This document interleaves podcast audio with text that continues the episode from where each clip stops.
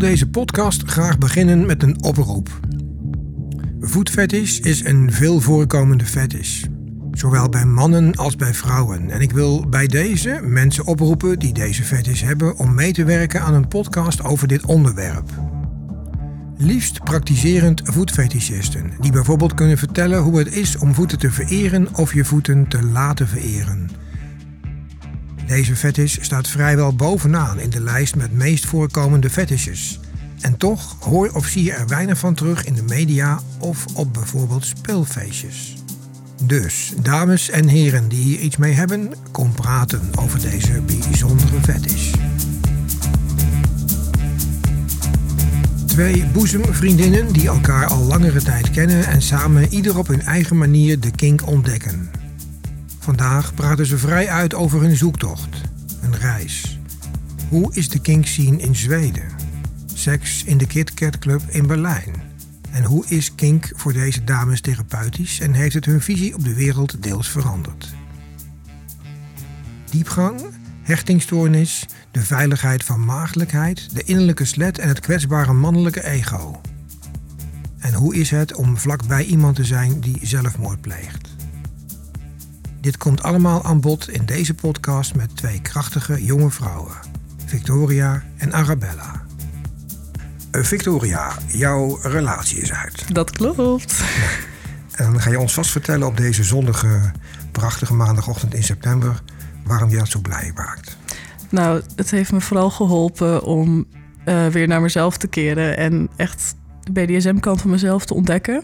En dan heb ik het ook voornamelijk um, aan mijn um, switch-kant, zal ik maar zeggen, de dominante kant, die dan eindelijk de ruimte krijgt.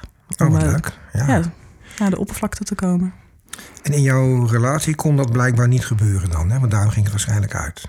Um, onder andere, er waren heel veel aspecten, maar op het gebied van BDSM kon ik niet mijn dominante kant uiten. Ook al hebben we het wel echt geprobeerd. Maar uh -huh. ja, je kunt het niet forceren. Nee, precies.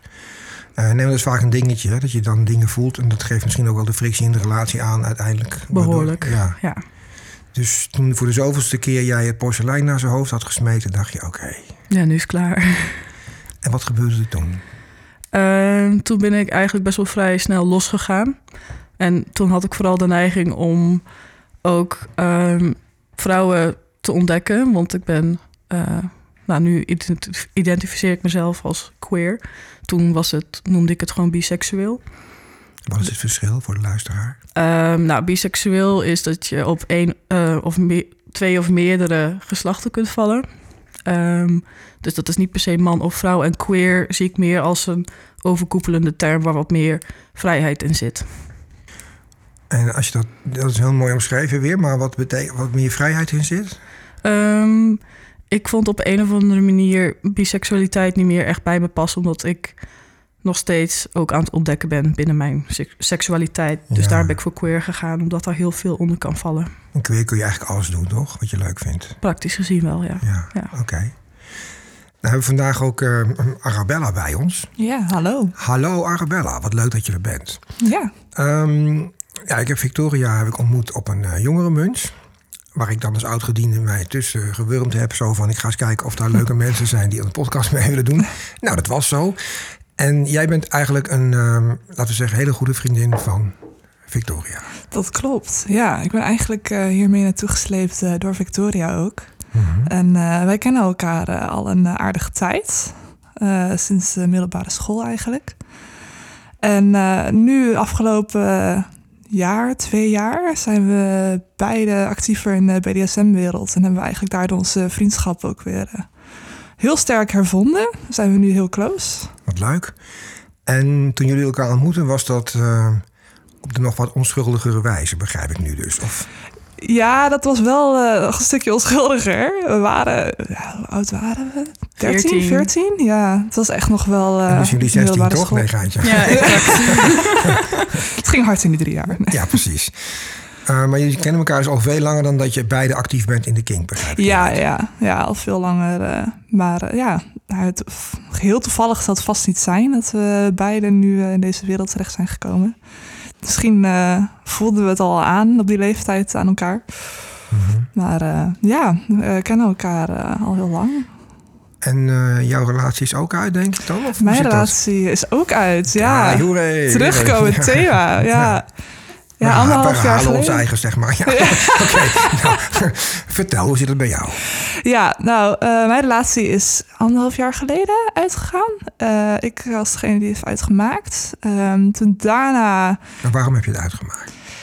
ja, ook meerdere redenen. Ehm, Mhm. Eigenlijk, ja, het werkte gewoon niet voor mij. Ik voelde me heel erg gevangen vanwege meerdere redenen in de relatie. Ik denk dat dat het wel echt het beste samenvat. Ja, oké, dat is heel mooi samengevat, maar nu even iets meer in detail. Want ik hou ervan om door te drammen, zoals men intussen weet. Mhm. Maar hoe zat dat dan? Waarom, eh, je viel in slaap, begrijp ik. Na het, in het laatste jaar eh, merkte ik al wel, eh, dat, nou, omdat ik me dus zo gevangen voelde. Ik ben zelf ook eh, polyamoreus. Al, al langer achter dat ik echt wel op mijn non-monogaam ben aangelegd. Dat Dus op- wist, wist hij dat ook?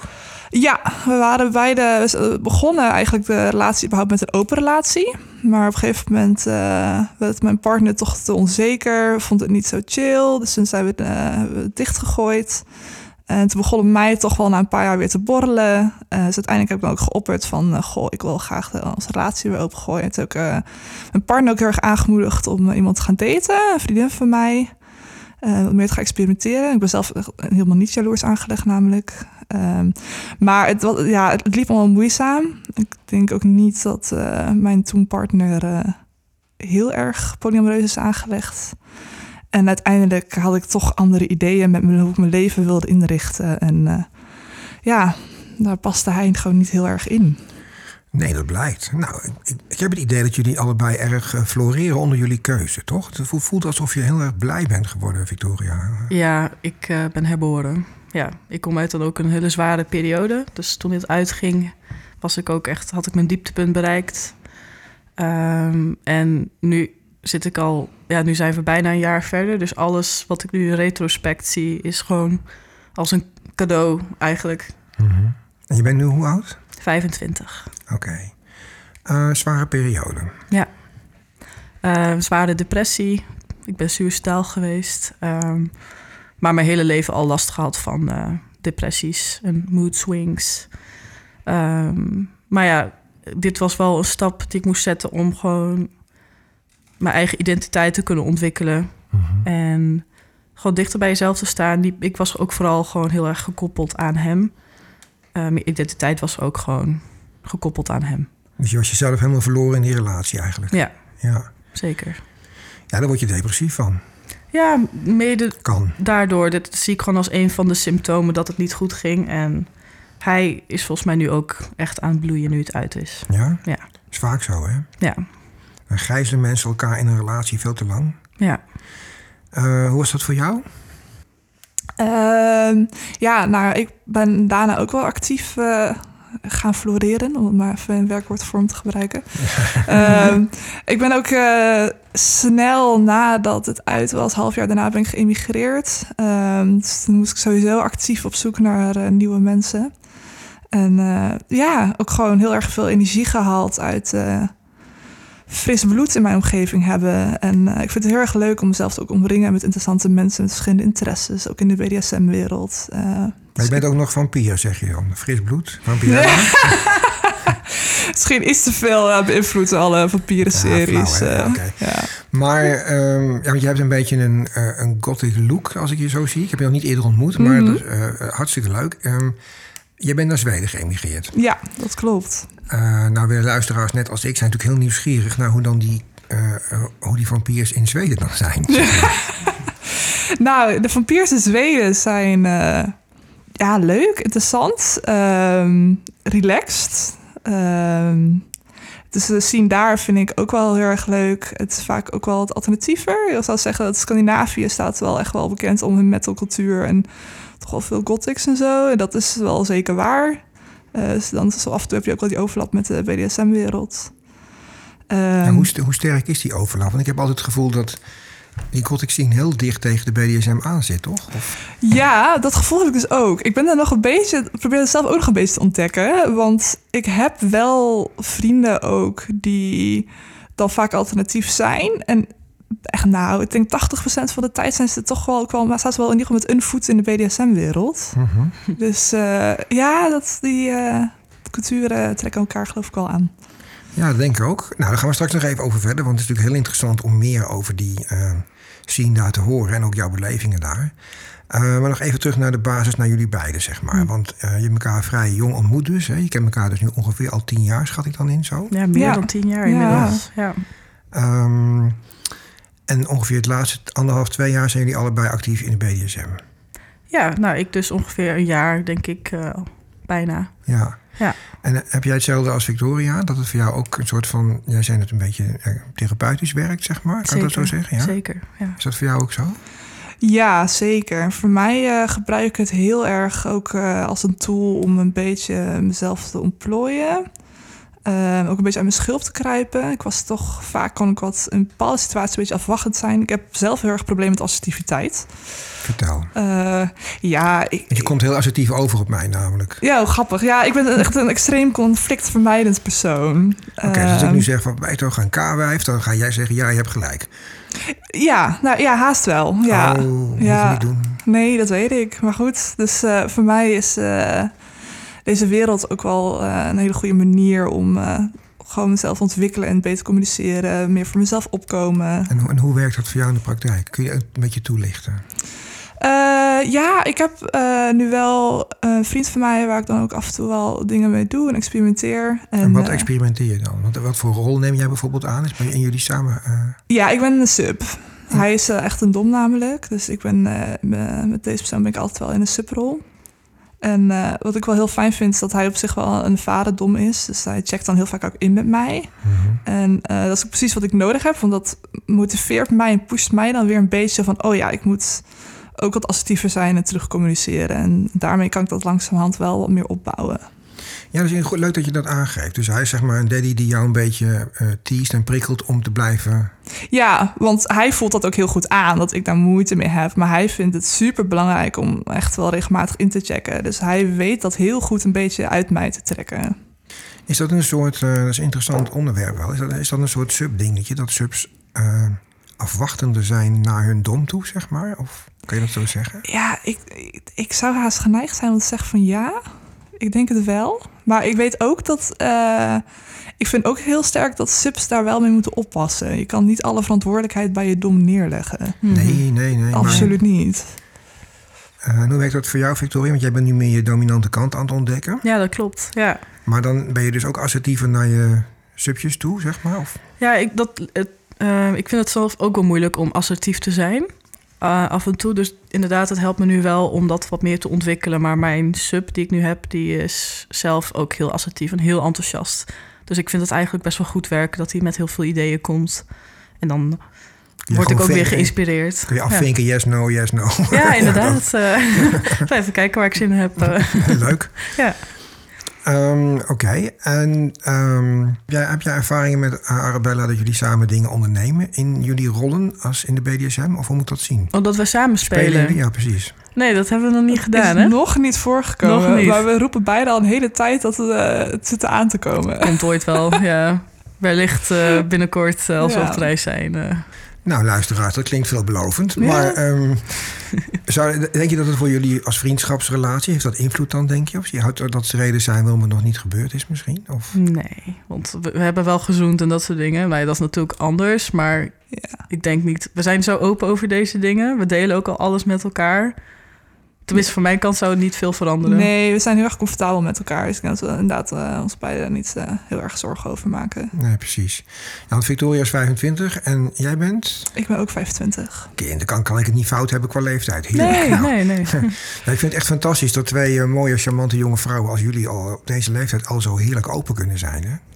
En dat je niet bezig bent met eh, het roze behang en het bloemetjesleven en eh, het gezinsleven. Want volgens mij hebben jullie daar allebei nu afstand van genomen op dit moment. Hè? Het is heel erg ontdekken wie je bent en wat je aan het doen bent en spelen met. Behoorlijk, ja. Ja. Het is voor mij wel echt ontdekken, wat wil ik nou? Want ik- het is niet dat ik dat wil uitsluiten. Maar het gaat voor mij nogal altijd naar de extreme kant, het een of het ander. Dus ik wil nu graag mijn balans vinden. Ja, dat snap ik. Aan de andere kant is dat. ehm, vind ik zelf altijd wel fijn als je wat meer in de uiterste zit. Uh, Hmm. Omdat je dan toch meer het gevoel kunt hebben dat je leeft of zo. Die middelmaat, Als je altijd maar hetzelfde eh, stabiele middelmaatgevoel hebt, lijkt me zo saai. Nee, ik moet ook niet daar te veel op gaan fixeren, inderdaad. Het heeft ook eh, zeker zijn pracht, de extreme kanten. En hoe Ja. werkt het voor jou? Ja, ik sta daar wel heel erg hetzelfde in. Ehm, ik eh, hou wel van enige variatie in mijn leven, zag gezegd. Eh, het heeft Nou, ook wel aan bijgedragen dat eh, ik ben geëmigreerd.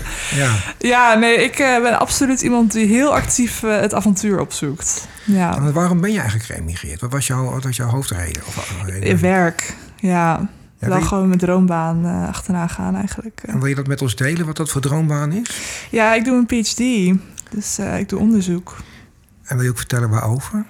Ja, ja ik doe onderzoek naar eh, carbon cycling. Ik kom uit de aardwetenschappen. Dus eh, het is ook eh, relevant voor het klimaatsysteem. Ja, om dat voor een luisteraar inzichtelijk te maken, wat doe je dan precies? Ik doe onderzoek naar marine sedimenten. Ehm, ja, de details zal ik misschien wel besparen, want we gebruiken dan analytische chemie. en Ik ben allemaal natuurkunde. meer van, oké, wat- oké, laat, het, even anders samenvatten. wat draag jij bij aan het welzijn van de mensheid? Misschien is dat een, of de natuur, of dat is misschien makkelijker. Ja, nou, dat kan ik heel makkelijk uitleggen. Het, eh, ja, de cycling, eh, dus het- de kringloop van koolstof. En dat resulteert ook in hoeveel broeikasgassen natuurlijk uiteindelijk in onze atmosfeer zitten. Dus het is heel Mhm. belangrijk om te snappen waar al die koolstof eindigt in ons eh, aardse systeem. Juist. En dan bestuur je ook, dan het heeft ook te maken met koolstofverbindingen, met eh, dingen om je heen. Of hoe, hoe, hoe, ehm, ik ben gewoon een luisteraar en ik heb geen idee waar je het over hebt. Ja, dus hoe zou je het dan uitleggen? Nou, waar ik naar kijk specifiek is de koppeling tussen de oceaan, dus marine omgeving, en eh, ijskappen en gletsjers en grondwater ertussen. Mhm. Dus het is natuurlijk vrij gedetailleerd, meestal zo is met onderzoeken. En dan kijken we ook naar hoe koolstof eh, eigenlijk rondgaat in die marine sedimenten. Dus je hebt dan het in water zitten en het sediment, maar ook in gasvorm. En dat onderzoeken we helemaal. En dat zou je willen onderzoeken omdat? Ja, dat is een goede vraag. Ja, het klimaatsysteem. We moeten snappen hoe onze aarde werkt als we daadwerkelijk eh, goed beleid willen creëren ook.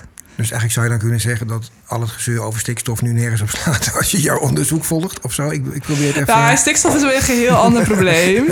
Maar eh, dit zijn zeg maar onderzoeken wat ik nu doe. Dat zijn belangrijke componenten om die ze dan later bijvoorbeeld kunnen toevoegen aan klimaatmodellen. Mhm. Dat zijn details van die we dan weten. En dan kun je dat meenemen in je klimaatmodel. En dan worden je projecties over eh, wat ons te wachten staat, eh, worden ook beter. Maar dat klinkt als een heel belangrijk onderzoek, toch? Als ik het zo hoor. Heel, heel wezenlijk onderzoek.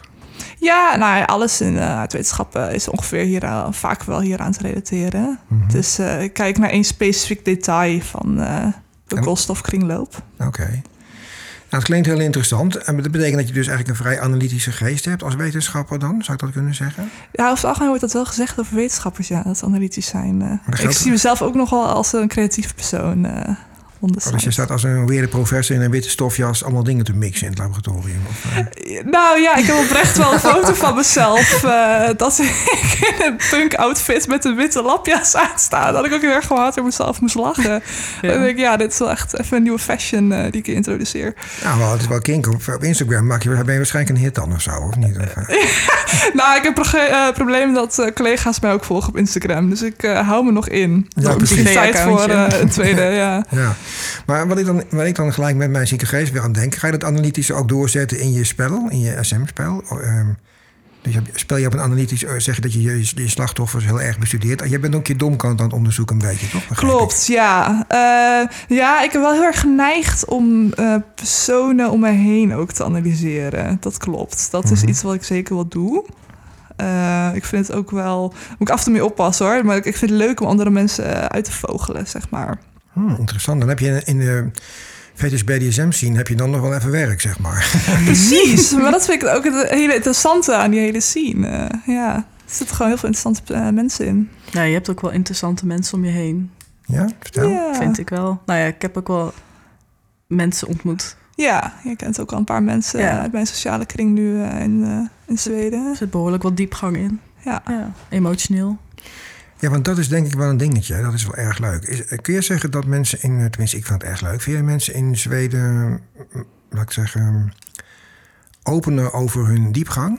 Dat ze minder shallow zijn dan heel veel Nederlanders zich voordoen? Mm, eh, hangt er heel erg van af. Ik vind over het algemeen, dat is natuurlijk wel misschien even stereotyperend. Maar goed, het mag gewoon eerst Ja, daar ben ik heel goed in altijd. Dus dat is een van mijn slechte punten. Dat Zweden zijn aanvankelijk moeilijker om mee te connecten. Maar ik moet wel zeggen dat ik wel makkelijker, eh, toch vaak dan als je elkaar vijf keer hebt gezien, op een gegeven moment daarna heb kun je echt al wel diepe gesprekken hebben met mensen. Mhm.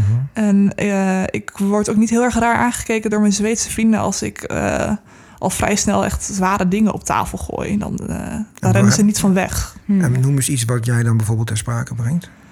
Nou, gewoon even een uh, duister voorbeeld. Ik ben ook eh, getuige geweest van eh, zelfmoord een jaar terug. En eh, nou goed, dat heeft wel zijn effect gehad. Ik probeerde ook gewoon open over te zijn. En eh, in Zweden is het inderdaad allemaal... Het hoeft niet per se eh roze geur maneschijn te zijn altijd. Eh, het, sowieso omdat het ook de polen... Het is niet de polennacht, maar het is eh, heel donker natuurlijk in de winter. Ja, dus met een kort daglicht dan. Hè? Paar Precies. uurtjes, ja. Dus eh, de Zweden die zijn vaak ook wat neerslachtiger voor een, in ieder geval getijden van het jaar. Ja, dat, is, dat is best wel een cliché wat er over Zweden gezegd wordt, maar dat is dus ook zo, zeg maar. Ja, dat is echt eh, als eh, samenleving zijn ze echt eh, heel erg polair in eh, Gloomy. ja. licht manisch in de zomer en eh, neerslachtig in de winter. Ik vind ze nu wel leuk. Dat had je toch ook, dat er zo'n oude man op straat ging dansen. Met toen de, de dagen weer langer werden. Ja, het is heel grappig om die omschakeling te zien op straat. Heel dus eh, leuk. de koeien ja. in de wei in Nederland, als ze nu naar buiten mogen. zeg Ja, maar. ja, oprecht. Maar dan uh, nog- variant. ja, maar dat ging even een interessante kant op. Je hebt een zelfmoord meegemaakt. Ja, En hoe ging dat? Eh, ja, nou, ik zat gewoon. Ik wo- woonde dus in een flat en eh, ik zat buiten. Ik had overigens net een hoek-up gehad en ik zat met die persoon buiten. Oef. Tweede keer dat ik eh, die persoon zag. En was een Eh. speelpartner van je of gewoon een vriend of vriendin? Eh, ja, gewoon een hoek-up. Ja, Gewoon gezellig. ja, gewoon gezellig. Oké, je zat eh, buiten op het balkon. Ja, en toen eh, is er iemand van de flat afgesprongen. En dat hoorden wij. Natuurlijk, was een flinke knal. Maar die viel langs jullie balkon of dat nog net niet?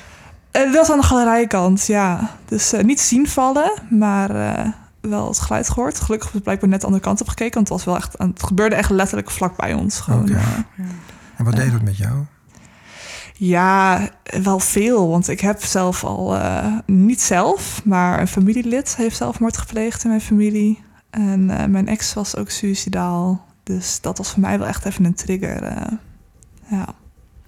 En is het zo, denk je dat ehm, in Nederland volgens mij op het moment zijn er zo'n, ik dacht, vijf tot acht mensen per dag die zelfmoord plegen, had ik het idee, ongeveer, Ja. om allerlei redenen. Mhm. Is dat in Zweden meer, denk je? Was het ook in Zweden of is het in Nederland Eh, gebeurd? Dit was in? Nederland, ja. Dit was in Nederland. Eh, volgens mij volgens de cijfers is het in Zweden wel hoger, ja. Mhm. ja. Hm. Ehm, Oké, en wat gebeurde toen? Want heb je dat meegemaakt? Heb je, toen, eh, je hebt waarschijnlijk bent niet gaan kijken, neem ik aan? Of juist wel? Nou, het probleem was dus wel, want we hoorden dus dat geluid, maar we hadden de persoon niet zien vallen. Dus toen eh, keken we over de reling en toen zagen we dus deze persoon liggen.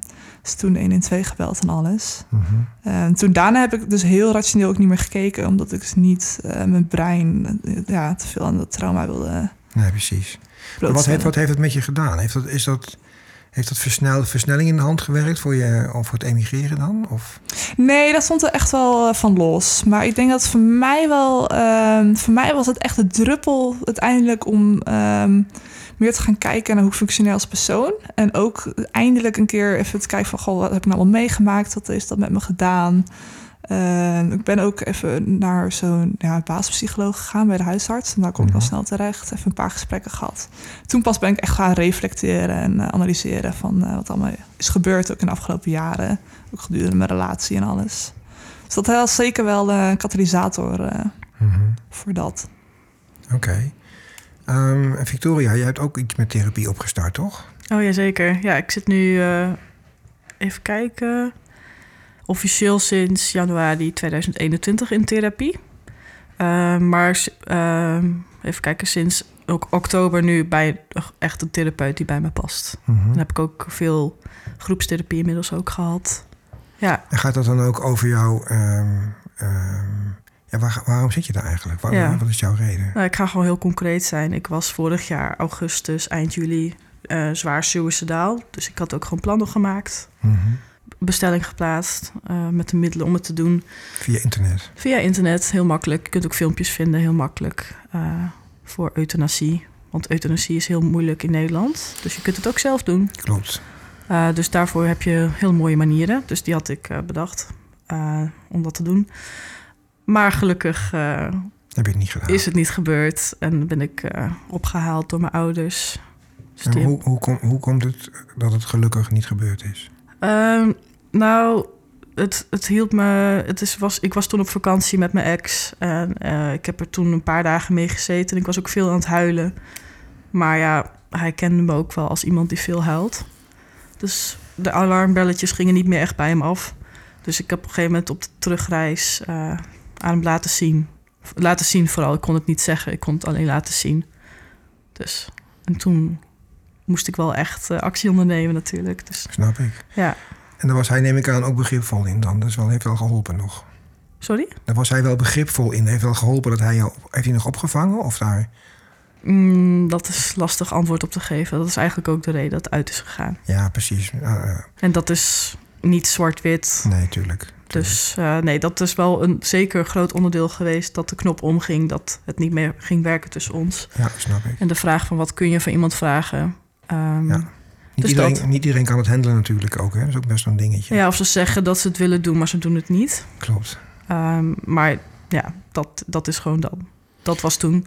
Maar heel, heel goed van je dat je dat toch hebt uh, omgedraaid dan, die negatieve energie. Ja, ik had geen keuze, weet je. Op een gegeven moment of je leeft of je gaat dood. Uh -huh. En ja, ik wilde, als er echt... Ik had geen hoop meer, maar toen ik eindelijk bij een juiste therapie kwam, therapeut kwam... en mijn medicatie kreeg, toen pas zag ik dat er hoop was. Ging het licht weer aan, zeg maar. Ja, toen zag ik licht. Toen zag, zat ik in de tunnel, zeg ik maar. Ik ben altijd een beetje in de beeldspraak. Toen zat ik in een tunnel. Op een gegeven moment zag ik het eh, licht aan het einde van de tunnel. En nu zit ik al niet meer in die tunnel. Dus het is voor mij nu wel duidelijk wat ik moet doen. Mhm. En dat is vorig jaar was het meer de vraag van wat is er mis met mij? En ik ben gewoon niet gemaakt om te leven. En nu is het precies andersom. Fantastisch. Ja. En hoe is het voor jou? Ja, voor mij heb ik op zich ook wel ja, heel veel energie gehaald weer uit eh, deze wereld ontdekken. En eh, had ik op zich altijd al wel heel veel energie. En, eh, je bent zelf niet suicidal geweest? nee, nee, nee, Nee. Zelf nooit. eh, nee. Oké. Dat is een beetje een heftig onderwerp, maar ik denk dat het bij veel mensen leeft. Ehm, omdat acht mensen in Nederland zoiets doen, wil niet zeggen dat niet veel meer mensen daar more or less mee bezig zijn natuurlijk. Hmm. En het is uiteraard helemaal niet altijd gekoppeld aan kink of andere dingen. Maar wat ik van jullie wel begrepen is dat het ehm, toch het kinkgedeelte waar je nu mee bezig bent, voor jullie wel beide op een andere manier heeft geholpen om meer richting aan je leven te geven. Dat klopt, hè? Zeker. Ja, behoorlijk. Ja. Victoria. Ja, Eh, voor mij helpt het nu ook echt. ehm, nou, ja, de reden dat ik ook heel erg eh, depressief ben geweest is omdat ik een hechtingstoornis heb. Dus ik vind het heel moeilijk om ehm, ja, gewoon aan mensen te hechten. Ik heb gewoon ook behoorlijke bindingsangst, maar ook verlatingsangst. Heerlijk. Nou, gezellige combi zeg. Ja, joh, best of both worlds. Ja, Ja, precies. De, de to om, je life. om je ongelukkig te voelen. Ja, Ja, precies. nee, dus eh, Maar je hebt daar nu een, een formule ontdekt om het beter te maken. ik zie nu BDSM als een middel om te leren communiceren, je belangen te communiceren, waar, wat ik heel moeilijk vind. Eh, Ligt dat dus toe? Eh, Ehm, ik vind als ik eh, emotioneel ben, als ik in contact ben met mijn emoties, vind ik het heel moeilijk om te communiceren. Dus dan kan ik soms ook fysiek niet praten. Maar als je dat dus via BDSM doet, dan leer je toch wel voor jouw wensen, eh, je wensen vorm te geven, uit te spreken. gevoelens om te omschrijven. Dat ook. Je, je mo- dan moet je ook wel echt communiceren of jij je veilig voelt, of je op je gemak voelt. Want als je dat niet doet, dan kan het fout gaan. Dus het is Mhm. ook gewoon heel belangrijk. Het is een noodzaak, maar ook het brengt zoveel meer voor mij. Ik kan dat gewoon gebruiken als, ja, als een parallel in mijn eigen leven, zou ik maar zeggen. En hoe bedoel je dat precies? Als, is, als, als het loopt, als het ware loopt het naast je dagelijkse leven... Ja, loopt je kinklijntje loopt door, zeg maar. Daar heb je steun aan. ja Het is een soort handvat wel. waar je aan vast kunt houden, basically. Ja. ja. Het is een, ik gebruik het inderdaad als parallel, als een spiegel van wat je kunt heel veel praktische zaken, zoals communicatie en je positie, dominantie of juist niet. Dat kun je heel erg spiegelen aan je dagelijks leven. ja, dat vind ik ook. Ja. En hoe is het voor jou?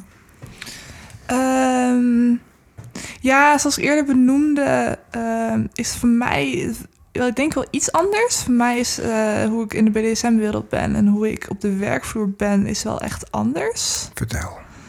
Ja, op de werkvloer ben ik veel aanweziger. Neem ik echt eh, veel meer ruimte in ook. Dan heb je alleen maar slaven en slavinnen. En Nou, misschien is dat het wel. Want ik ben, Uh-oh. eh, ik ben dus heel Oh. erg reactief op mijn Mhm. omgeving. En op de werkvloer merk ik wel dat de meeste van mijn collega's... die zijn wel eh, wat terughoudender eigenlijk. Dus ik merk als ik dan in zo'n omgeving ben... dan stap ik ook gelijk makkelijker naar voren. En, maar dan loop je ook te bitchen en dan ga, dan ga je de reageerbuizen uit hun hand, zeg maar. Even mijn platvoers benadering. of hoe werkt dat?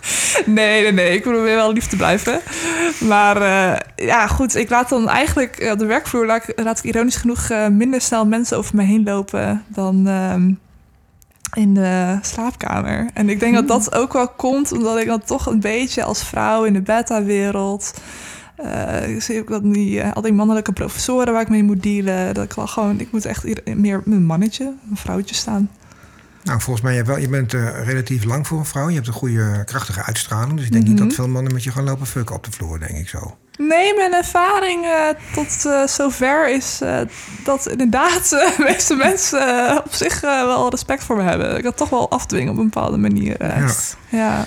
Maar is het dan ook zo dat jij een eh, sub bent van eh, Topping from the Bottom, zeg maar? Dus jij bepaalt wat je dom met jou doet? Of hoe werkt dat eh, in jouw geval dan? Nee, ehm, de domme kan wel echt bepalen, ja. En eh, goed, ik ben nog heel erg ontdekkende. Dus ik vind het ook juist heel erg leuk eigenlijk als ik eh, met een dom ben die zelf met eh, ideeën komt. En eh, dan ben ik altijd zeggen van ja, gaan we proberen. Kom maar door. Ik Mhm. sta eigenlijk altijd voor alles bijna wel open.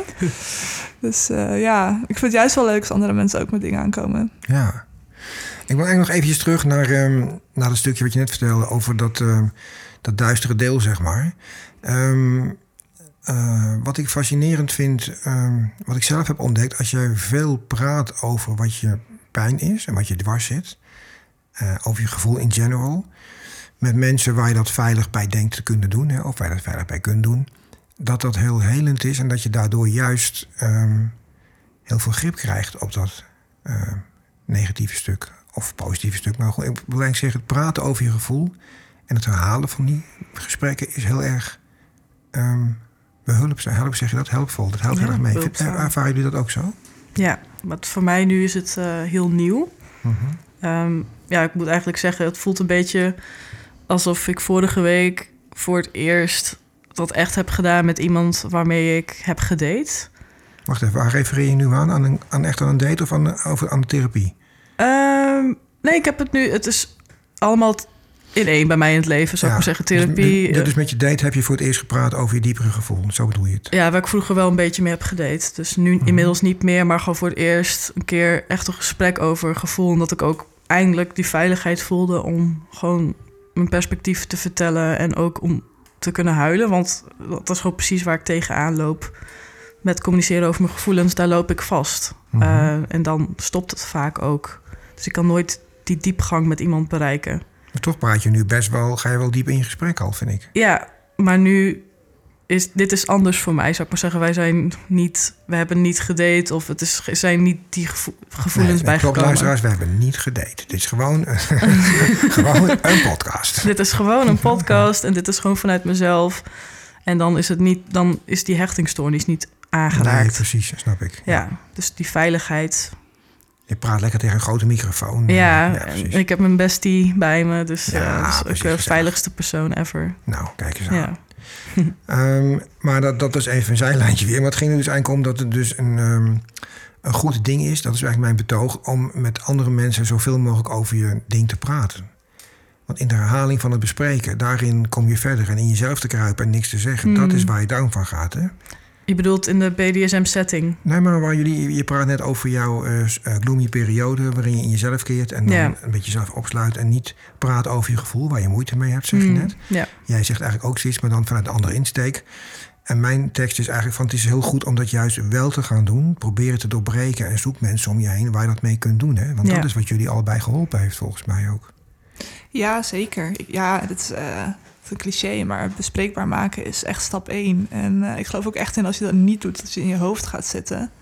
En je hebt soms even die externe input nodig. En ik vind zelf ook altijd gewoon actief over praten helpt altijd erg om me te grounden. En dingen weer even in perspectief te zetten. En hoe zou dat nu uh, vanuit jullie perspectief, vanuit jullie leeftijdsgroep vooral ook? Want uh, 2030 is een hele lastige leeftijdsgroep voor, ja, om als jonge volwassene op te groeien, zeg maar ook. Elke fase in leven heeft zijn eigen dingetjes, maar dat is nu dit. Wat zou je tegen leeftijdsgenoten willen zeggen als je zegt van nou je voelt je niet 100% of juist heel slecht? Wat is, zijn een boodschap, Victoria? Wat zou je ze mee willen geven uit jouw kennis van nu? Um, het is heel belangrijk dat je dat wel uitspreekt. En als die andere persoon daar niet die veiligheid voor kan bieden, dat je dus dat kunt uitspreken of daar gewoon heel slecht op reageert, dan is dat ook gewoon heel belangrijk om te weten dat dat misschien niet de juiste persoon voor jou is. En als er geen andere persoon is, dus je bent alleen, je hebt behoeftes, je hebt verdriet, je hebt iets waar je mee zit, wat zou je dan kunnen doen? Ik zou, je kunt altijd bij een professional aankloppen. Als je echt niemand hebt om mee te praten. Die zijn er altijd. Vijf maanden wachten hè, tegenwoordig. Vijf maanden wachten inderdaad. Nee, dat heb ik ook gedaan. Of je moet betalen of je doet het wel via de huisarts. Want de huisarts die is wel... Snelle interventie, ja. Ja, die kan nog wel een tussentijdse oplossing bieden. er is nog een andere oplossing. Uh, een vriendin van mij werkt voor de luisterlijn. Luisterlijn, dat is, daar kun je naartoe bellen. Elke dag, 24 uur per dag, zover ik weet. En dan kun je je verhaal kwijt. Daar moet je niet verwachten dat je een hulpverlening krijgt in de zin van, um, nou ja, zoals je bij een psychiater of psycholoog misschien krijgt, maar je krijgt wel reflectie. En ze kunnen je wel verder helpen. Dus ja. dat is ook nog een optie als je snel wil praten, de luisterlijn. Dat is wel een hele goeie. Ja, luisteraars, bij deze van ons. Als cadeautje voor de mensen die nu thuis Russisch roulette aan het spelen zijn. Mm en daar maak ik geen grappen over, maar ik probeer het positief te benaderen. Ja. Uh, voor jullie, en ook voor mij trouwens in het verleden, heeft BDSM heel erg geholpen. Dat is natuurlijk niet voor iedereen zo, maar deze podcast gaat er nou één keer over. Dus um, hoe is voor jou het ontwikkelen van jouw dominantie, Victoria, heilzaam op het moment? Wat haal je daaruit? Um... Ja, wat haal ik eruit? Ik uh, vind het heel lekker om gewoon je hoe noem je dat? Van die intrusive thoughts. Dus van die gekke gedachten, om die gewoon te laten winnen. Dus alles, alles alles. die hebt. Alles. Nee, niet alles, maar gewoon uh, welke dan uh, nog wel binnen het kader vallen, die, uh, die pas ik dan gewoon toe. Dus het is voor mij. Helpt... dat is weer een klinische omschrijving. Luisteraars, ook vrouwen hebben hele stoute gedachten. Oh ja. En Victoria gaat nu een paar van haar stoute gedachten aan ons vertellen, hoop ik. Dus ik ga, ik ga heel lief aankijken. Meesteres Victoria. Ja. Wilt u dat met ons delen? Natuurlijk. Um, wat vond ik een mooie ingeving. Gewoon, ik vind het fijn om mensen gewoon een beetje te pesten eigenlijk. Dus als ze zeggen, als ze iets heel fijn vinden, dan doe ik dat precies niet. En als ze hm. juist zeggen, dat vind ik heel vervelend. Dan doe ik dat juist wel. wel. Ja, precies. Dus bijvoorbeeld uh, bij het uitzoeken voor... Ik, ik had gewoon zin om mijn... Ik heb een slaaf. Ik had gewoon zin om hem te blinddoeken met zijn eigen spullen. Dus hij mocht wel even naar de kast lopen en aanwijzen wat zijn favoriete das was. En welke zijn minst favoriete natuurlijk. Nou ja, dan ga ik natuurlijk wel voor de minst favoriete. Nou, dat bijvoorbeeld. Mhm. Maar dat is nog een beeld voor. Nee, nee, maar goed. Het, is gewoon dus dat je die controle over iemands beleving hebt, zeg maar. Inderdaad, maar ook gewoon het gebruiken van... ze geven zelf aan wat ze willen, dus dan kan ik daar heel makkelijk op inspelen. Dus ook heel reactief. Maar dat houdt het wel heel speels en spannend, want ja...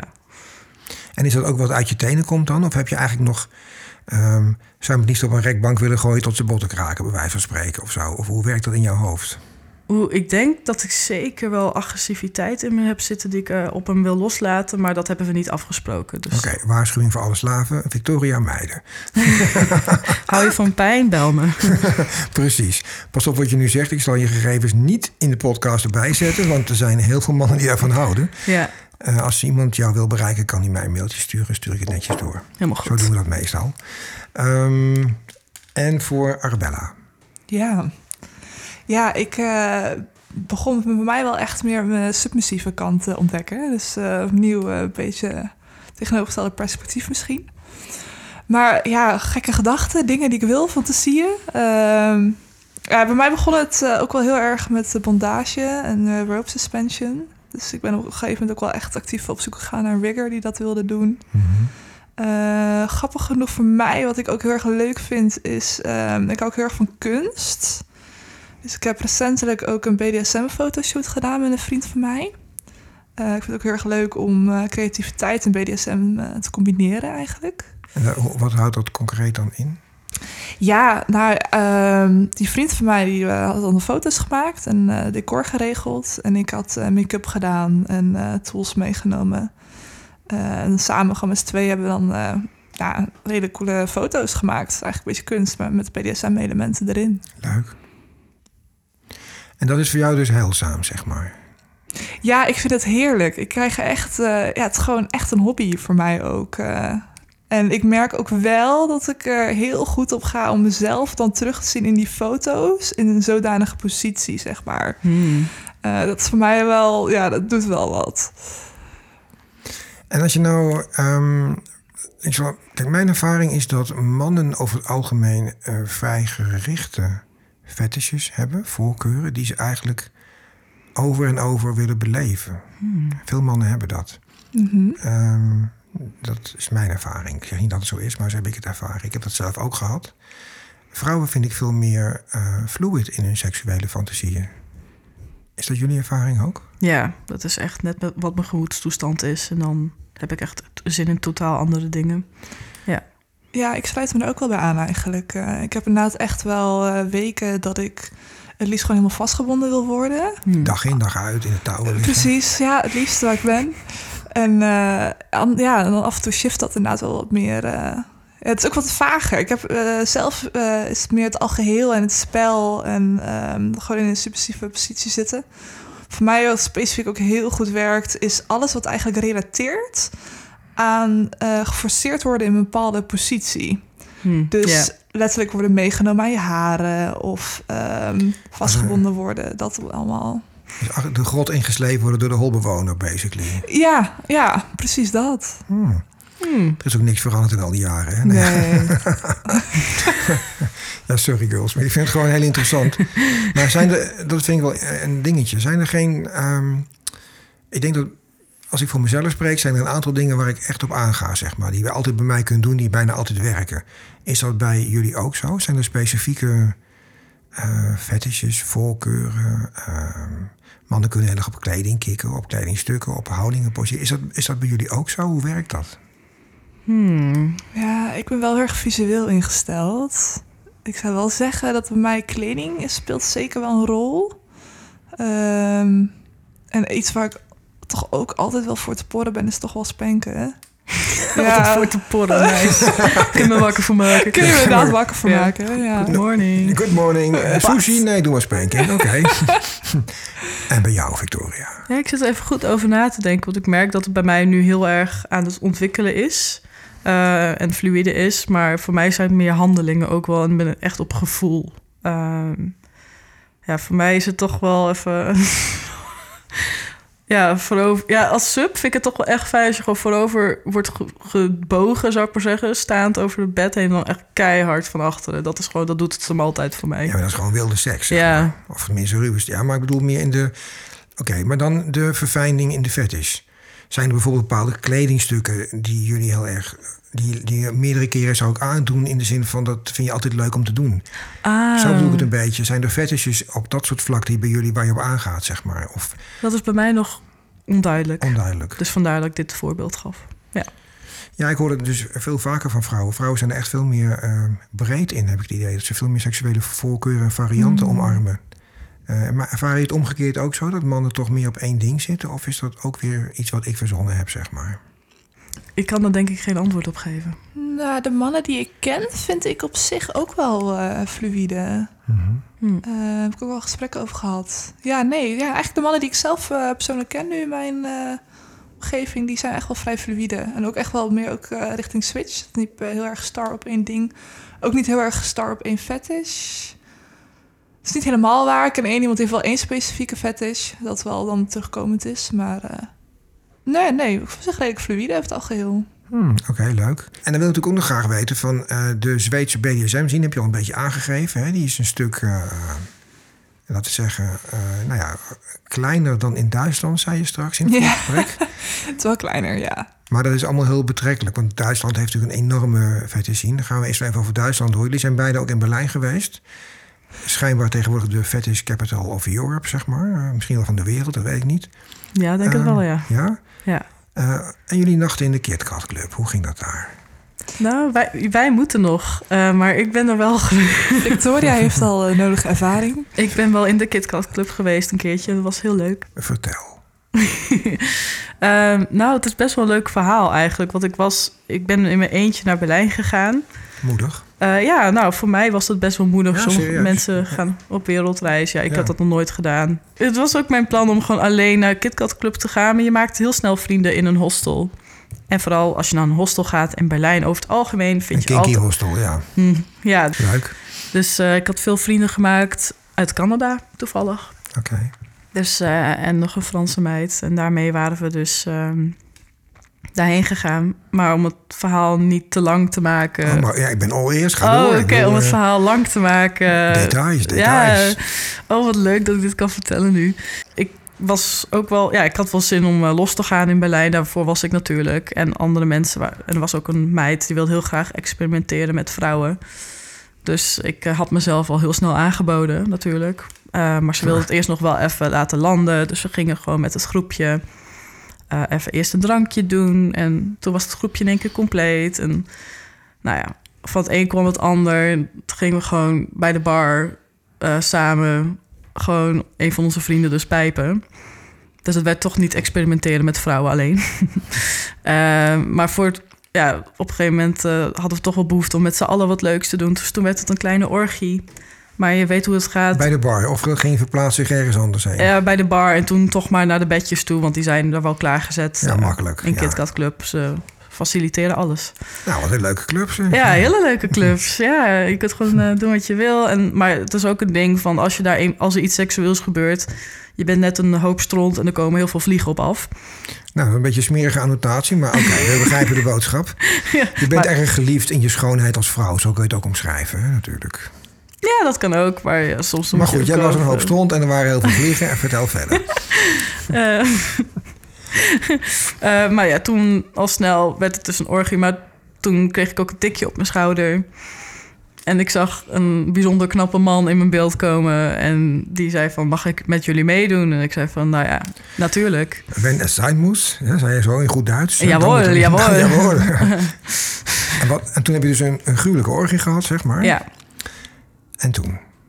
en toen?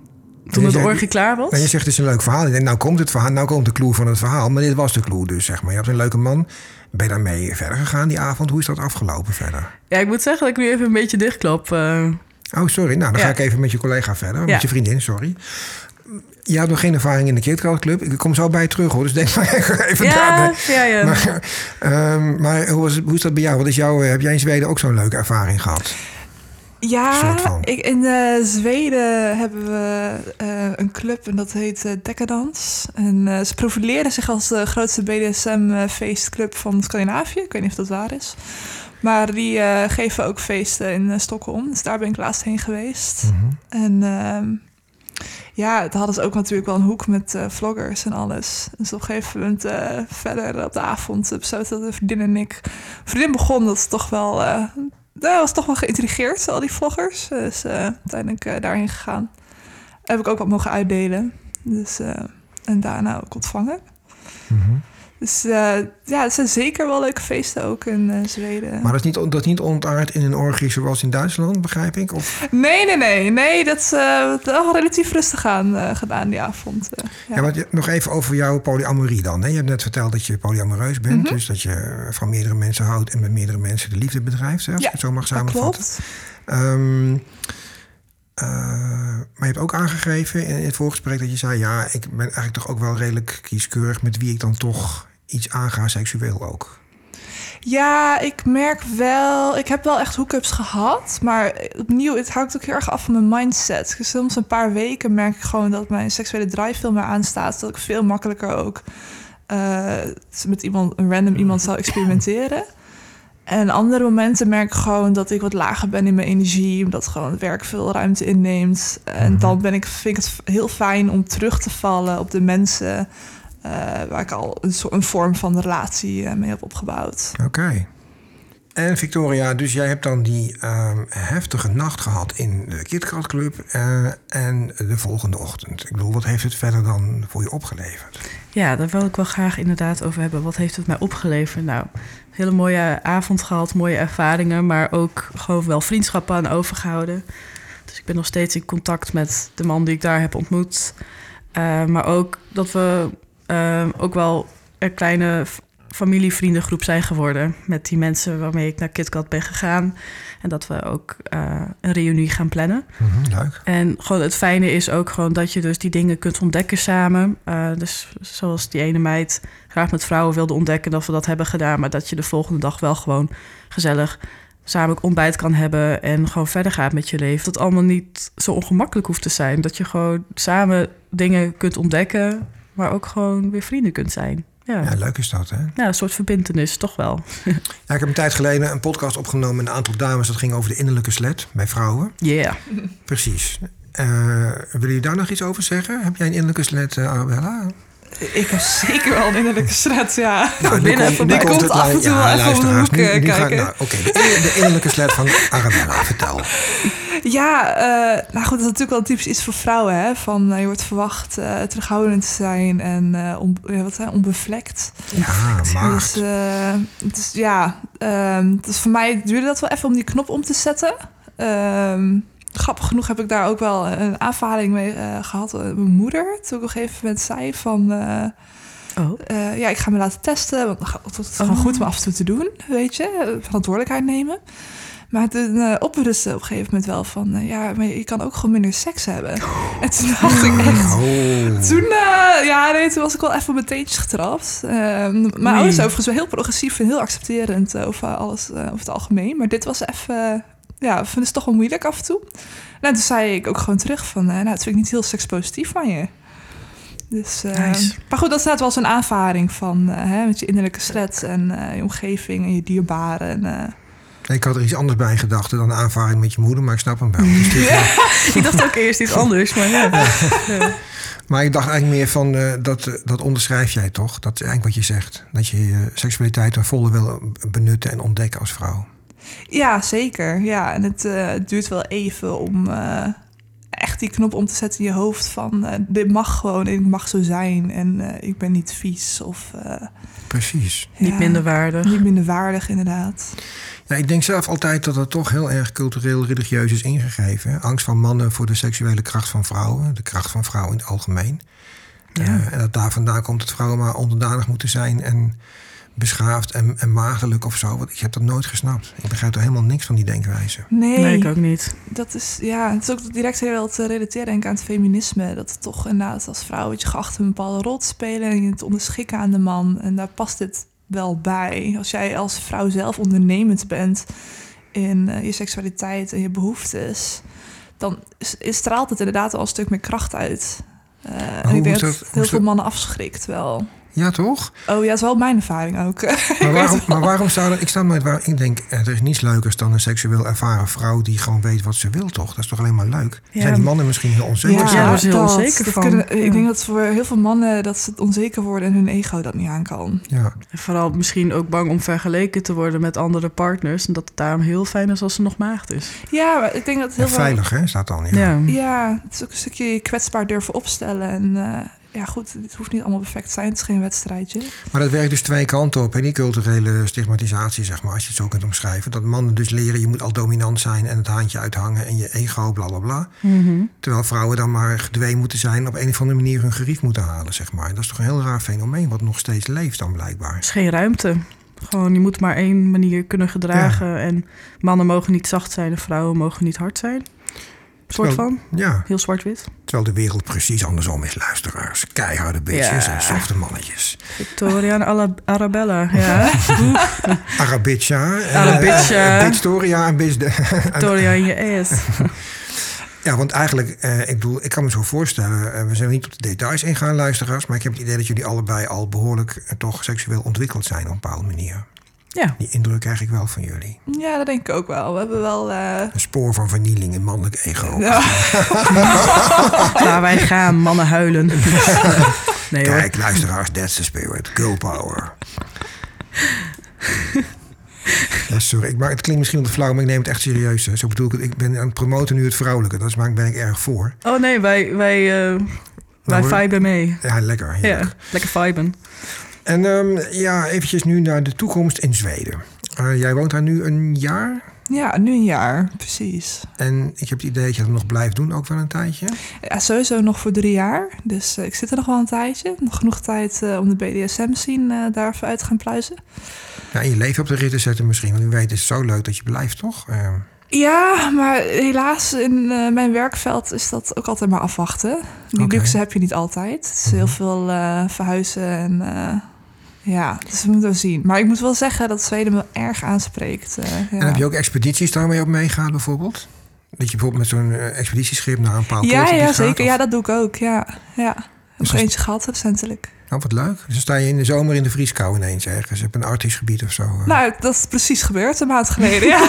Nou, ik kan ervoor, dit hebben we niet besproken, luisteraars. Maar ik dus mijn eigen fantasie daarbij. Maar dat is dus gebeurd. Leuk. ja, ja, inderdaad. Maar dan leef je gewoon tussen de mannen op het schip, zeg maar. En dan heb je een laboratorium aan boord, neem ik aan. Of, Ja, dat, ja, dat is ongeveer hoe het gaat. Je hebt onderzoeksschip en eh nou, er zitten gelukkig in uh, aardwetenschappen ook nog wel wat meer vrouwen. Uh, natuurkunde wel echt minder, waar ik een master in heb gedaan. Maar uh, ja, dan zit je inderdaad gewoon aan boord bij uh, schip met een crew en met je onderzoeksteam. Wat leuk zeg. En is het zo dat jouw collega's, dat hou je gescheiden, zei je straks. Hè? Daarom houdt ook een beetje van social media af en zo. Dat je, die weten, eigenlijk is jouw werk en kindkant een beetje gescheiden, toch? Dat Deels. probeer ik wel gescheiden te houden. Succes, joh. Uh, ik vind het moeilijk. ja, dat is echt iets uh, als beginnende persoon waar ik nu heel erg mee uh, struggle. Is toch wel van hoe pak je dit aan? Mm. En ironisch genoeg, uh, ik droeg al vanaf dat ik nou 18 was of zo, droeg ik al die grote chokers met ringen. Toen was ik nog niet eens bezig in de BDSM-wereld. Dat was misschien al een teken, maar goed. En uh, ik ben nu wel gestopt om net die te dragen. Gek Echt? genoeg, nu ik daadwerkelijk uh, actief ben in de BDSM-wereld. Ja. die ringen bleven te vaak haken aan de onderzoekinstrumenten. ja, eerder droeg ik die bijvoorbeeld ook naar de universiteit. En dat zou ik nu niet meer doen. Maar ik heb nu ook wel iets professionele rol als werknemer in plaats van student. Dus Maar het is, ook, het is ook een statement, toch? Een bepaalde leeftijd is ook een statement om zoiets te dragen, dacht ik. Dat is toch meer van je, het is ook bij je coming zeker. out en Ja, zo. ja. ja, het was voor mij zeker wel echt uh, van uh, vrije wereld ontdekken. En uh, ik hou ook gewoon heel erg van om tegen dingen aan te schoppen. Een beetje rebelleren. Het zit er wel een beetje in. Dus, nou, dat had ik nou nooit van jou verwacht. Nee, nee. hè? nee. nee. Zo'n lief meisje. en Victoria.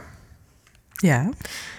Um, hoe zit het met jou nu? Je bent nu met jezelf echt lekker aan de slag. Je bent alle dingen aan het uitzoeken. Mm Mhm. -hmm. uh, heb jij ook een soort van richting in die BDSM-ontwikkeling voor jezelf? Heb je zoiets van, nou, ik vind het toch wel heel leuk, daar wil ik veel meer in gaan doen. Of ik wil juist een dingetje erbij houden. Koppeling, wat doe jij voor werk? Uh, of werk je nog studeer, studeer je alleen nog maar? Wil je erover praten? Ja, zeker. Ik wil er wel over praten. Ja, waar beginnen we mee? Het werk maar, wat ik doe? Ja, laten we maar even doen ja, eerst. Ja, ja. makkelijk. Ik uh, ben uh, recentelijk gestopt met studeren, maar ik heb wel mijn bachelordiploma gehaald. En je studeerde voor? Um, ja, ik heb duurzame ontwikkeling gedaan. Ah, dat dus, is uh, wel een beetje met elkaar. Dus ja, nee, we hebben wel echt raakvlakken erin. En het grappige is, ik wilde eigenlijk aardwetenschappen studeren, maar ik had daar het pakket niet voor. Dus ik was voor het pretpakket gegaan. Ah, maar wel de kennis, denk ik. Hè? Je bent wel slim genoeg om het te doen, toch? Uh, ik denk het wel, maar ik ben gewoon niet aangelegd voor die exacte vakken. Nee, nee dus uh, ik vind het allemaal heel leuk en heel interessant. Maar ik heb gewoon niet daar. Ja, en ook nooit. Ja, nee, het zat er gewoon niet in. Uh, maar inderdaad heb ik dus uh, mijn studie wel afgerond en nu ben ik bodemadviseur. Dat is interessant. Ja, lekker droog. Dus mijn flauwe grap over de stikstof, daar heb jij wel degelijk mee te maken eigenlijk dan. Want ja, is... dat komt wel voorbij inderdaad. Ja. ja het is uh, nog redelijk beginnend, mijn fase. En, en, wat houdt dat dan precies in? Je gaat dan bijvoorbeeld naar een boerenorganisatie en je zegt... ja, maar het is gelul, want er zit geen stikstof. Of je gaat naar de overheid en je zegt... ja, maar er zit wel... Hoe, wat moet ik daarbij voorstellen? Nou, ik ben meer een, uh, gewoon een adviseur binnen een bedrijf... die advies geeft okay. aan een bedrijf die in de grond wil graven. Dus ik kijk dan vooral naar... is het veilig om zonder maatregelen zomaar iets in de grond te stoppen? Mm -hmm. Of moet je toch wel even kijken omdat de, omdat de bodem vervuild is of niet? Ah, dus je hebt het allemaal in kaart gebracht, hè? Waar die vervuiling is in Nederland, toch? Ja, de, we hebben een hele grote kaart. Daar werken we mee. En af en toe is er nog niet genoeg informatie in die kaart. Uh, en dan moet je gewoon zelf uh, onderzoek uh, plannen. Maar grondmonsters nemen en zo, dat soort dingen? Ja, die laat ik dan nemen, laat ik analyseren. En ik aan de hand van die analyse eh, breng ik zelf een uh, Verslag advies uit. Oh, ja. nou, een interessant beroep lijkt me toch wel. ja, ja, Het klinkt misschien wat uh, stijf, stug. Hoe zeg je dat? Stof voor sommige mensen. Maar dat je zeker. vereist wel de nodige kennis en communicatieve vaardigheden, volgens mij. Zeker, ja, dat ook. En ik hou wel van droge, droge stof eigenlijk. Dat- Droge humor, droge, Droge humor. slaven. Ja, wel leuk. Ja, nee, die moeten wel nat zijn. En door luisteraars, wat een ranzigheid weer zeg. Nou ja. Ja. Maar ehm, heb jij dan in je, dat je in je werk heel open bent over je gevoel daarbinnen? Hoe heb jij een coming out in dat werkgedeelte ook? Of? Nou, subtiel is niet mijn persoonlijkheid, maar ik, ik doe Ach. wel mijn best om het nog een beetje eh, netjes te houden. Maar ze weten nu wel het een en ander hoor. Toch wel? Ja, ik kan dat echt niet. Ik kan mezelf niet onschuldig voordoen. Dat zit er gewoon niet in. Nee, zo zie je er ook niet uit. Nee. Onschuld toont anders, zeg ik maar. Ja, Wees blij. ja toch? That's- Ja. it's what you see is what you get. Ja. Dat is het wel. Oké, en dan mijn andere vraag was dus van hoe zie je dat dan eh, zich nu ontwikkelen? Heb je daar een beeld bij? Eh, want omdat je nu al zo outgoing bent, zeg maar. Hmm. Eh, is dit wat je dan blijft doen? Of heb je idee van, nou, ik ga toch misschien meer richting die kink? Of is dat allemaal nog heel erg in, hoe gaat het bij jou? Ik denk dat ik wel echt meer de kinkkant op zal gaan. En ik vind ook gewoon ehm, de hele community die erachter zit heel fijn. Dus ik denk ook meer op, verschillende vlakken, zowel se- seksueel als sociaal gebied, dat ik daar gewoon wel echt dieper in zal gaan. En dan meer ook mensen helpen met dingen, bedoel je bijvoorbeeld of zo? Of, het, of erin gaan werken? Of, eh, Ja, dat, ik vind het ook wel heel fijn om met mensen te werken en om mensen te helpen. Dat is denk ik ook wel wat ik wil doen als werk later. En dat kan gewoon heel veel vormen aannemen. mhm. Maar ik merk nu ook, gezien ik nu eh, wat meer ja, de dominante kant op ga, dat ik ook wel mensen op mijn pad krijg die juist compleet nieuw zijn binnen de BDSM-community. En dat vind ik gewoon heel fijn. Ja, eh, eh, gewoon. Gniffelend, dat zij te vertellen, luisteraars. Ik Haar voel wel enorme verantwoordelijkheid, side note, maar ook wel veel vrijheid. Eh, dus om dat gewoon samen af te stellen en dat iemand, ja, dat je dan mee kan nemen in die ontdekkingsreis. Leuk. Ja, dat vind ik wel echt heel leuk. Ja. ja. Dus dat vereist, eh, want ik vind je allebei al vrij levenswijs eigenlijk, voor jullie jonge leeftijd. Oké, nou, bedankt. Dat vind ik heel positief. Ja. ik denk dat. ehm, ja, ik herhaal mezelf af en toe, dat doe ik nu ook weer. Maar ik denk dat toch, wat zeggen, dat oudere generaties daar meer moeite voor hebben moeten doen. Dat jullie sneller op een niveau zijn qua dat, heb ik het idee. In de communicatie. Want jij zegt net zelf dat je wel communiceren wat lastig vindt soms, hè, over Ja. je gevoel. Maar eigenlijk communiceer jij voor je leeftijd veel meer dan bijvoorbeeld sommige mensen die ik ken van 50. Ik noem maar wat. Ja, het is, Dus ja, denk ik ook. Misschien is er nu meer ruimte voor. Dan, ja, en internet, hè? en internet, maar ook gewoon wat voor, gen- wat voor generatie je komt. Ik bedoel, eh, mijn ouders hebben de oorlog niet meegemaakt, maar hun ouders wel. En Mhm. dat geeft ook wel compleet andere instelling. Zeker. Geen ruimte voor emoties. Was er voor hun, bij hun dan bijvoorbeeld? Oh nee? Nee, dat was, Oh. was gewoon de algemene instelling was gewoon doorgaan. Mhm. Vooral niet stilstaan bij je gevoelens. Ja, die heb ik nou nooit gesnapt. Je bent altijd een zwakkeling als je bij je gevoel stilstaat Ja. of zo. Terwijl dat toch de kern van je bestaan is, heb ik dan het idee. Ja, het is eigenlijk heel onlogisch. Ja. Ja. En wat vind jij daarvan? Is dat... eh, Ja, daar sluit ik me wel bij aan eigenlijk. eh. en ja, ik ben ook benieuwd inderdaad wat het dan is, eh, het verschil voor deze generatie. Ik ken het ook wel hoor, bij eh, mijn eh, grootouders dan was het toch ook wel, toch wel iets van oorlogstrauma in of zo. Het eh, heeft toch wel zijn naweeën. Maar ik denk inderdaad ook wel, internet is op zich wel interessant. Want ik denk wel, in ieder geval, je hebt nu de keuze om makkelijker uit je bubbel te stappen. En je hebt meer input. en heel veel informatie. Over alles kun je alles vinden in principe. ja. Dus Ja. je kan dat makkelijker misschien daardoor navigeren in de wereld. Er tegenover staat natuurlijk wel dat je dus continue input hebt. Mhm. Ja, Dus, wat eh, weet je dan wat goed is? Ja, deze generatie heel erg tegenaan loopt natuurlijk. eh, je continu vergelijken met anderen, en met de wereld. En eh, En hoe werkt dat voor jou? Want jij hebt een, een outgoing voorkomen. Zoals ik, je- ik ken je verder niet zie vandaag voor het eerst. Je hebt een heel outgoing voorkomen. Je hebt eh, ook wat inkt hier en daar. Prachtig, overigens mooi. Eh, maar je hebt een hele mooie, krachtige uitstraling. Vrouwelijke uitstraling. Maar dat... ehm, Komt dat ook omdat je dan heel veel op Insta kijkt van wat anderen doen, wat je nu net zegt, in de vergelijkingsdingetje? Of moet dat zien? Mm, nou, bij mij staat er wel echt in. Het is een manier waar ik... eh, ik voel me gewoon heel erg comfortabel bij om mezelf zo uit te dragen en uit te drukken. Ehm, en het is voor mij was echt make-up en, en kleding heeft ze echt ingezeten. Ik was als, letterlijk als klein kind was ik al bezig met verkleden, rokken aantrekken, hakken aantrekken. Ehm, ik had een eigen verkleedkist. En eh, op de middelbare school begon ik ook al meer te experimenteren dan met alternatieve kledingstijlen. Dus ik geloof eigenlijk wel echt dat dat er bij mij eh, gewoon een beetje in heeft gezeten. Mhm. En ik gebruik dan social media zeker als eh, een bron van inspiratie. Oké. En eh, ik vind het heel erg leuk ook om eh, elementen te pakken uit verschillende subculturen. En die dan eh, samen te voegen. ja. Ja. Nou, doe je goed. Het is gelukt, kan ik je zeggen. dank u. Heb je ook volgers die zich aan jou spiegelen, zeg maar, dan? Als ik zo... Eh, Zou ik eens moeten vragen? Ik eh, weet het niet. Nee. Ik uh, voornamelijk wel gewoon. Ik heb mijn eh, account tegenwoordig dus wel op eh, privé staan, ook vanwege werk. Dat heb ik dus gedaan sinds, eh, Mhm. sinds ik ben gaan werken. Dus eh, ja, ik vind het wel lastig om dat te combineren soms. Het liefst zou ik nog veel excentrieker zijn, maar eh, ik hou me nu nog een beetje in. Oké. Tot zover dat lukt. Ja, ik heb nog steeds eh, de behoefte om een keer een aflevering te maken over social media. En over wat het met mensen allemaal doet ook. En dan niet alleen in de negatieve zin, maar ook in de positieve zin. Eh, want het gaat heel vaak ook over de negatieve kant van social media. Vind ik ook niet helemaal terecht. Want er wordt ook heel veel mensen halen er heel veel uit natuurlijk. Oh, ik zeker, ja. Ja, wat haal jij eruit? Eh, nou, echt inspiratie. Ik, eh, ik zeg ook al tegen mensen, van, ik, ik zit er voornamelijk op Instagram. En ik vind dat ook gewoon heel erg leuk, omdat er zoveel artiesten op zitten. Mhm. Eh, het is gewoon, eh, ik volg ook heel veel make-up artiesten. Ik volg heel veel tattoo-artiesten. Ehm, en ja, ik vind dat gewoon leuk om er inspiratie uit te halen. Het geeft toch nieuwe ingevingen en ideeën. En je hebt hele verfijnde tattoo, hè?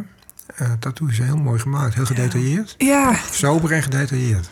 Ja, ja ik kies eh, mijn artiesten wel. eh, ik ben al een beetje picky. eh. Ja, goed zo. Zij kiest haar artiesten zoals haar objecten. nee, nee. En Victoria, hoe is dat voor jou? Hoe werkt social media voor jou? Omdat je zegt vanwege jouw eh, nou ja, je, je ding met emoties, zeg maar. Hoe, hoe, heb je daar last van? Of juist baat bij? Of Hmm. wisselend? Is, het ligt eraan wat je volgt. Ehm, eh, eerst had ik echt van alles nog wat op mijn feed staan. En tegenwoordig volg ik ook alleen maar artiesten en mensen die ik ken, zou ik wel zeggen. Eh, maar voorheen werd ik ook heel snel de extreme kanten opgedrukt. En dat heb je vooral nu ook met social media. Dat vooral gefocust is. Hoe meer reactie je krijgt, hoe meer dat op je feed komt. Eh, dus toen werd ik ook wel echt ehm, heel extreem feministisch, maar gewoon ook heel erg gebaseerd op angst.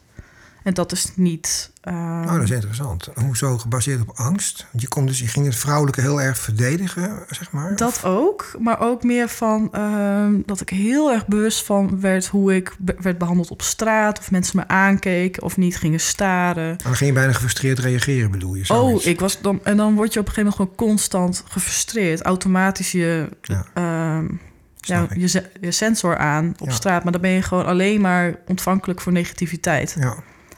Ehm, dus dat heb ik wel erg om weten te draaien. En ik vind social media nu ook, hoe snel ze ook soms inderdaad nog steeds de extreme kant op gaan. Je kunt ook heel veel eh, troost en her- eh, herken, erkenning vinden op internet. Mhm. Ehm, ja, dus TikTok vind ik super leuk. En eh, Arabella en ik die, die delen ook wel eens een en ander, maar ook heel veel zelfspot. Ook gewoon over, eh, ja, over mijn hechtingstoornis. Heb ik, ja, ik ga, er- ga er gewoon stuk om. En dat, ja, dat, dat je gewoon ook soortgenoten vindt die er ook over kunnen lachen, weet je wel. Van, eh, soms is het heel educatief en soms is het een grapje. Ja. Maar dat het hechtingsstoornis ben je natuurlijk aan het aanpakken nu met je psycholo eh, psycholoog. Hè? Ja, je- zeker. ja, Ja. In elk aspect van mijn leven ben ik het aan het aanpakken. Ja, goed hoor. ja. Dank je. Daar ben ik ook blij mee.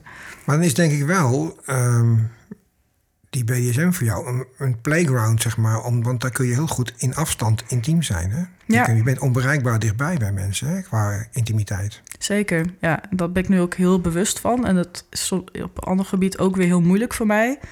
Omdat ik, als ik in een seksuele stemming ben, dan ben ik compleet anders ten opzichte van mijn emoties. Het voelt soms een beetje losgekoppeld, maar dat leer ik dus nu weer aan elkaar vast te maken. Want dat is dus de hechtingstoornis, dat ligt heel ver uit elkaar. Mhm. Ehm, ja, en wat nog meer? Ja, ik ben nu even mijn line maar- of reasoning kwijt. Ja, maakt niet uit. Dan was ik nog benieuwd voor jullie allebei even in volgorde. Ehm, wat me opvalt is dat veel eh, mannen en vrouwen, maar ik kom iets meer vrouwen tegen, maar dat die toch ook een last hebben met een koppeling te maken tussen hun hoofd en hun lichaam, inderdaad. Ja, Maar ook tussen hun lustbeleving en bijvoorbeeld BDSM. ja, Want die lustkoppeling, dus eh, laten we zeggen een opwinding ervaren door iets onderdanigs te ondergaan of iets dominants. En dat ook echt te koppelen aan lust, behalve anders dan bijvoorbeeld alleen maar aan een machtsgevoel, hè, Mm. zoiets. ja. Hoe werkt dat voor jou? Lukt jou dat? kun je opwinding ervaren door iemand te domineren. Oh, zeker. En dat, Seksuele opwinding, hè, dan? Ja, nee, dat, ik was daar laatst heel bewust mee bezig. Want ik had laatst voor het eerst met mijn slaaf afgesproken. En ik was eerst vooral bezig met, doe ik het gewoon, hoe doe ik dit? En vooral heel erg geprikkeld met ideeën van, oh, dit ga ik nu doen, dat ga ik nu doen. Maar op een gegeven moment vroeg ik me af van, hij zei ook steeds hoe, hoe fantastisch geil hij het vond. Dus op een gegeven moment ging ik ook bij mezelf checken, gewoon even voelen, zo tussen de benen van, hmm, vind ik het seksueel ook leuk? Nou, dat was dus overduidelijk. Je gleed uit in je eigen platje, Ja, zeg ik was maar. veel Ja. zo op mijn plaat. zo, oh, nou, blijkbaar wel. Ja, precies. Ja, dus nee, ja. Ja, maar dat vind ik zo fascinerend. Kijk, bij een man is dat ontegenzeggelijk een feit. Dat zie je gelijk of hij de opwinding Ja, uithaalt. dat zie je inderdaad. Ja. Maar dat, dat, je, dat jij daar moet gaan voelen. Dat je niet in je buik al dat gevoel hebt. Dat bedoel ik eigenlijk te zeggen. Dat lijkt me zo obvious.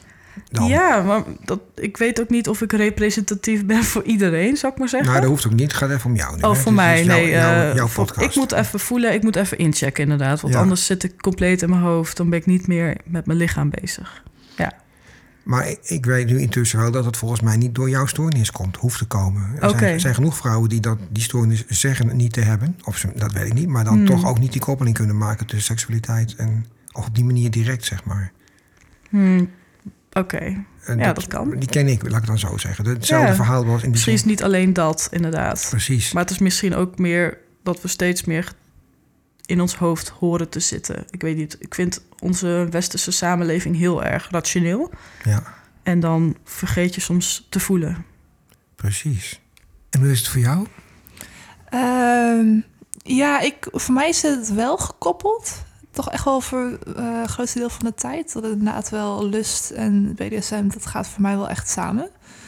Ehm, ik heb wel ook echt inderdaad een paar voorbeelden. Dat op een gegeven moment toen ik in de touwen hing... en op een gegeven moment ook eh, een spanking session had gehad... dat ik echt daarna wel, ja, wel gewoon echt bloedje geil was. Eh, Nice. ja, echt wel ook echt een lichamelijke reactie. eh, ja. Ja, precies. Mhm.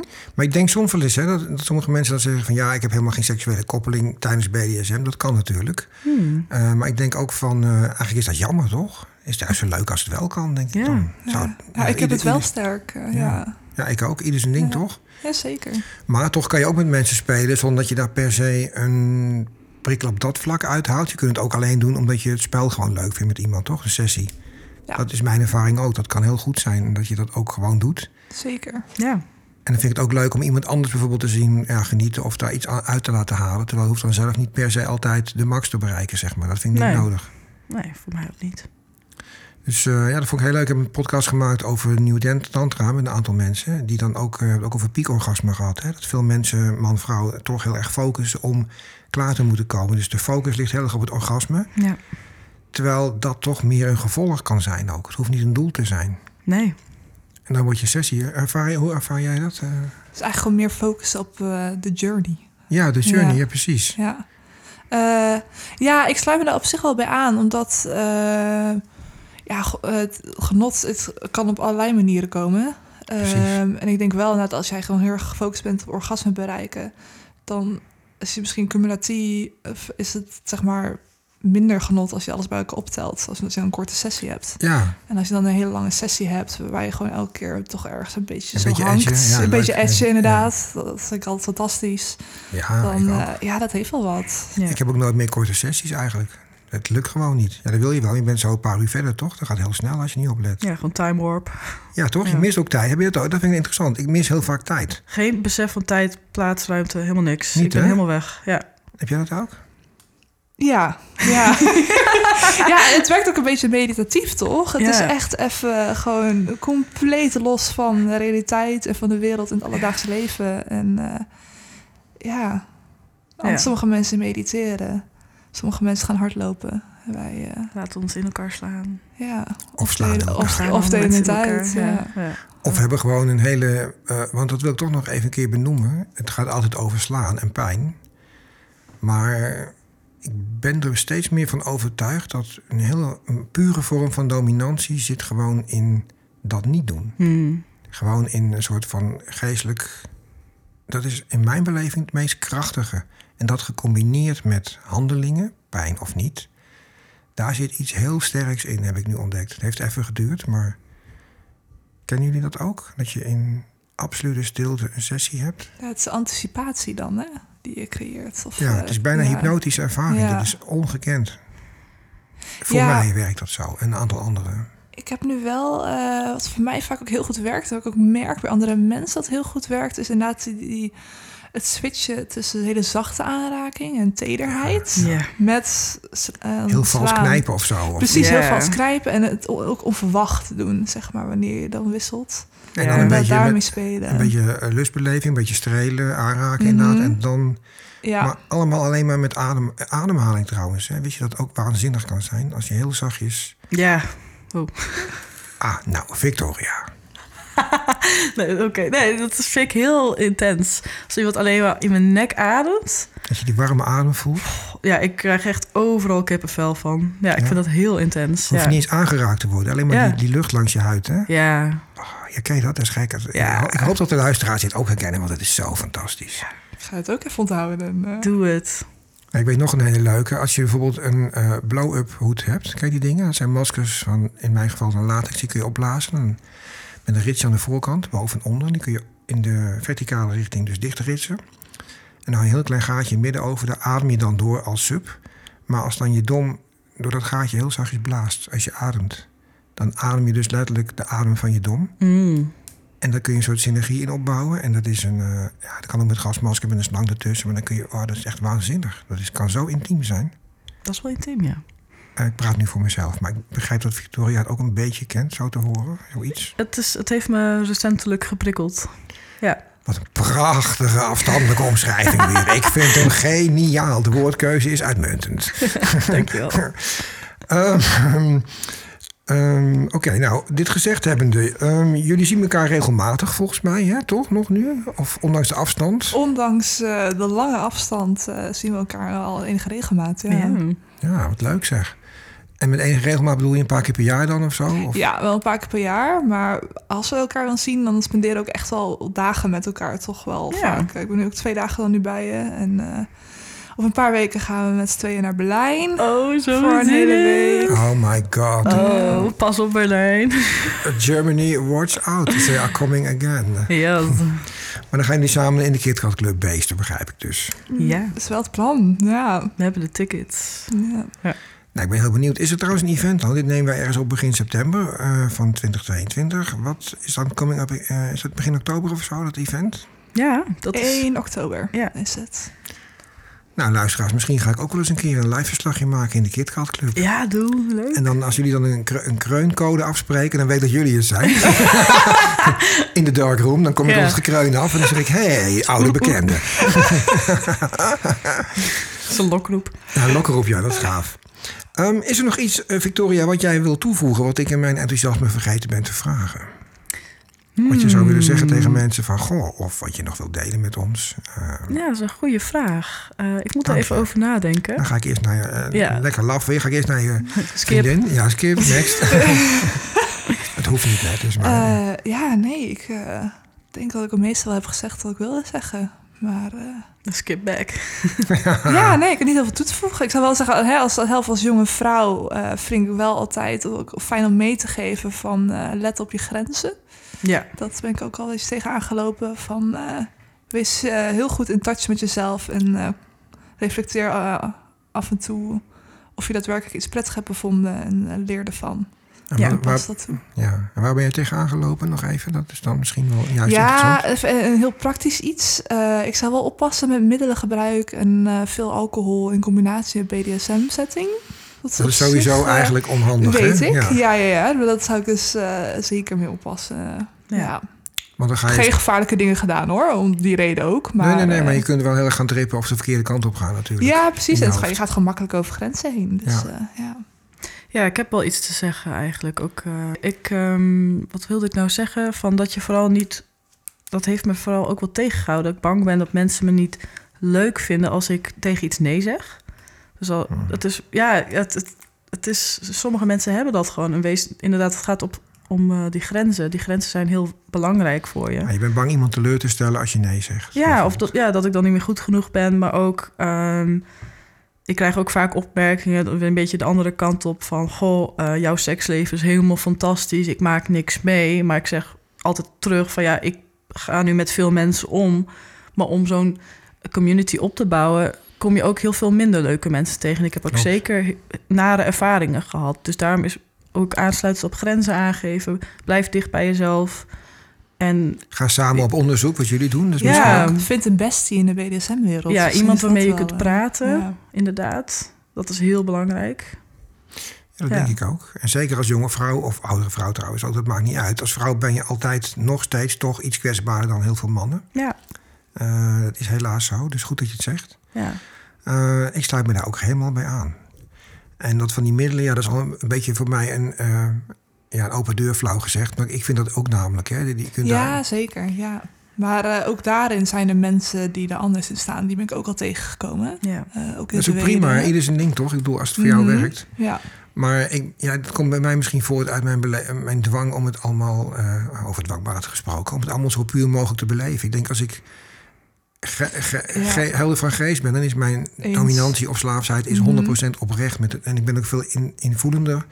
En eh, op een manier dat ik kan ingrijpen als het moet als je dom bent. Ja. En als sub geef je eerder je grens aan. Dat is wel waar. en de beleving is intenser, daadwerkelijk, als je nuchter bent. Ja, hè? is mijn ervaring. Ja, ik ben daar heel snel achter gekomen. Dat ik echt zat van, oh, dit is, dit is daadwerkelijk veel beter als je gewoon helemaal nuchter bent. Ja. En hoe kwam je erachter? Je was helemaal een keer helemaal stoned en dan had je het naar de hand pas of zo? en ik ben gewoon benieuwd hoe dat dan ging. Eh, ja, nou goed, ik heb, wel, ik heb wel eens seks gehad en dingen gedaan aan bepaalde middelen. En ook wel alcohol. En alcohol is natuurlijk een verdovend middel. En heel veel mensen gebruiken het om losser te worden. Mhm, ja. Maar ik merk wel echt dat alcohol... eh, het werkt echt averechts op eh, Ja. gewoon de belevingswereld. Dus ik heb... eh, daar ben ik Ja, wel een beetje ja. van afgestapt. Nee, ik snap het volledig. Mm. Ik heb het ook niet nodig om. Ik, voel, ik, ik drink totaal niet. Ik, heb, ik mis het ook nooit. Ik heb het wel gedaan hoor, maar het is mijn ding gewoon niet. En ik vind het veel leuker om het gewoon echt waar, als het ware nuchter te beleven. Dan is mijn gevoel 100% erbij, zeg maar. Zo voelt het voor mij ook. Ik word ook niet losser van alcohol. Want ik ben gewoon een hele ongeremde oude gek luisteraar. Dus dat gaat bij mij allemaal Hij is gek. Hij is gek. Dank je, Victoria. ik zie het als een compliment. Ja, zeker. Ehm, Oké, nou dan wil ik jullie eh, heel hartelijk bedanken voor jullie bijdrage vandaag. Ja. Nou, jij bedankt. ik denk dat ehm, jullie echt heel veel mensen hier weer mee helpen. Jonge vrouwen die dit horen, die misschien denken, wauw, te gek. En mochten jullie nog vragen aan de beide dames hebben... of anderszins in contact willen komen... kun je altijd een mailtje sturen naar mij.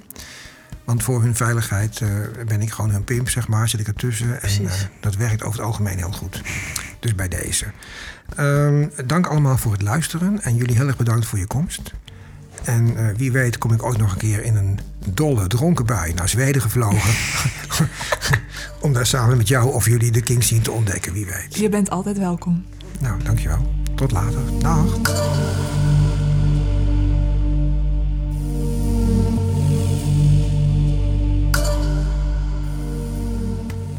Dank voor het luisteren naar de Fetish podcast.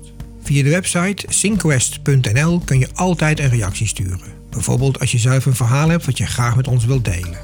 Op de site vind je ook linkjes naar andere podcasts en mogelijk voor jou interessante sites over BDSM in het algemeen. Dat was het voor nu. Tot de volgende keer. En reageren kan dus via synquest.nl. S-I-N van Nico, quest.nl.